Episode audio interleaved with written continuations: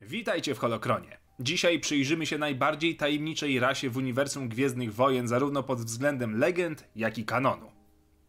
Rasa Mistrza Jody, bo o niej mowa, to jeden z najpilniej strzeżonych sekretów George'a Lucasa i przez lata nie było nawet plotek, jak rzekoma rasa mogłaby się nazywać, skąd pochodzić i jakie ma właściwości. Obecnie trwający serial Mandalorian wprowadził ogromną zagadkę do uniwersum, w którym to pojawia się kolejny przedstawiciel tej rasy, do tego potrafiący się już naturalnie posługiwać mocą. Wiemy także z komiksów i seriali animowanych, że Imperium przez lata porywało dzieci wrażliwe na moc, by zrobić z nich inkwizytorów. Być może to kolejne dziecko, a być może cała ta mistyczna rasa jest niesamowicie uzdolniona w aspekcie mocy. Ale po kolei. Zacznijmy od tego, co wiemy z kanonu.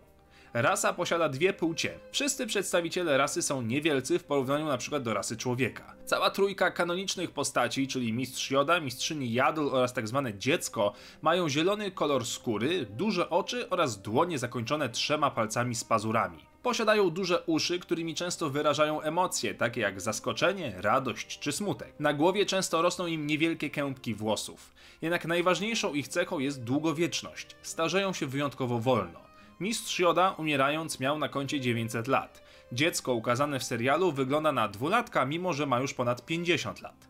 Z serialu Wojny Klonów dowiadujemy się, że rasa posiada również drugi podmózg, który uaktywnia się m.in. podczas wizji mocy. Co do ich diety, to najpewniej jest ona mieszana, zważywszy, że małe dziecko z serialu Mandalorian podczas pobytu na Arvala 7 zjada w całości coś na wzór żaby.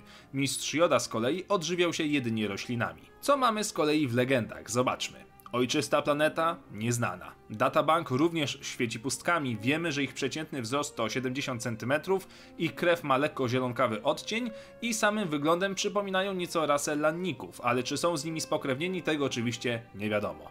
Co ciekawe, znani przedstawiciele tej rasy byli zawsze obdarzeni dużą mądrością, ale mogło to wynikać z długości ich życia. Mistrz Joda posługiwał się dość wyszukaną gramatyką, ale być może to tylko wybór.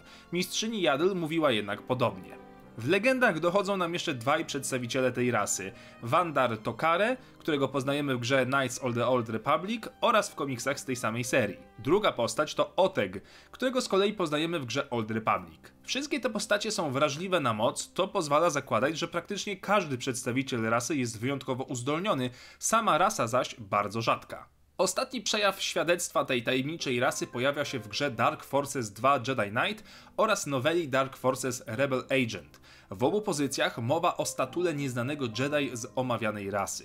Pomnik znajdował się w Dolinie Jedi na planecie Rusan. A co o samej rasie mówi jej twórca George Lucas? Ojciec odległej galaktyki opowiedział w wywiadzie dla serwisu Moviefone następującą charakterystykę tej rasy w kontekście Mistrza Jody.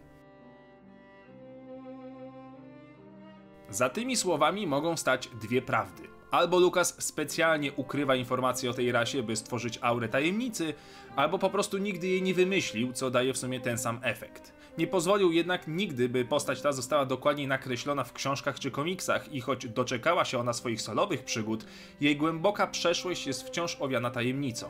W tak zwanym databanku na Star Wars.com zarówno Yoda jak i Yaddle są określeni jako nieznana rasa. Sekret więc jest wciąż ukrywany również u Disneya. Co jednak ciekawe, Donald F. Glatt, autor książkowej wersji Imperium kontraatakuje, opisuje rasę mistrza Jody słowem elf. Niewiele to jednak wnosi w i tak już fantastyczny wymiar uniwersum. I to wszystko w tym temacie. Dziękuję za oglądanie, zostawcie łapkę w górze, pamiętajcie, że moc zawsze będzie z wami.